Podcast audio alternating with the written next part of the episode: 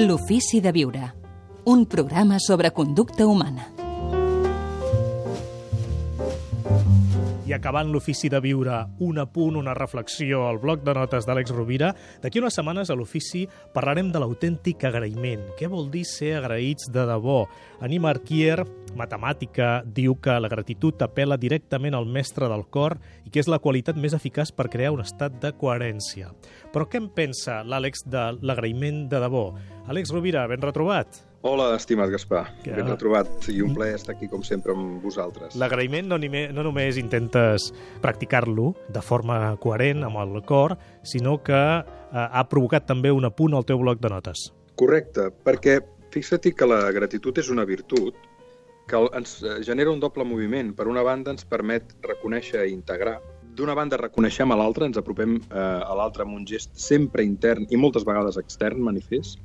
Però fixa't que quan parlem de reconèixer, com indica la paraula, tornem a conèixer. Accedim a una nova dimensió de la relació que ens uneix i que fa millorar la qualitat. Per tant, l'exercici de la gratitud ens permet, eh, des de la intimitat, eh, apreciar, apreciar i valorar allò que ens uneix. I tot exercici de gratitud reforça el vincle i reforça l'apreci amb l'altra persona. També, quan la gratitud és sincera, prenem allò que ens és donat i ho integrem. L'objecte de gratitud eh, forma part de nosaltres des de- des d'aquell de, moment.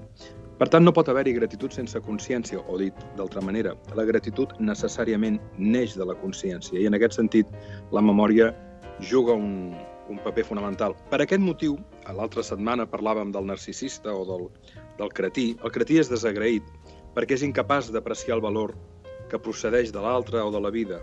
La vanitat no sap res de la gratitud. El vanitós, el narcisista i l'egotista no són agraïts. Eventualment la seva gratitud és interessada perquè l'expressen esperant favors encara més grans. Um, en l'extrem oposat, la persona humil i lúcida pot sentir-se absolutament abrumada, conmoguda, per tot quan rep, fins i tot pel fet de respirar, d'estar viu, de poder menjar, de tenir aigua calenta a l'aixeta, gratitud per la vida, per la salut, per l'existència de l'ésser estimat, pel llibre bonic, pel paisatge, pel record que dona sentit. Moltes vegades reconeixerem la qualitat d'un ésser humà per la capacitat que té d'agrair i de prendre consciència de les petites coses, com una conversa amable, un petit gest, una mirada còmplice, una carícia. Això és el que d'alguna manera fa relacionar la gratitud amb la humilitat, amb allò que ens fa humans, amb allò que ens porta a l'humus. I per tant, eh, és una virtut que d'alguna manera ens porta a la intimitat, ens expandeix la consciència, ens humanitza i sobretot ens porta a l'alegria, perquè és, la gratitud és l'alegria de la memòria o l'amor d'allò que ja va ser, com va dir Epicur. En la gratitud no hi ha lament ni frustració, sinó l'alegria d'haver viscut.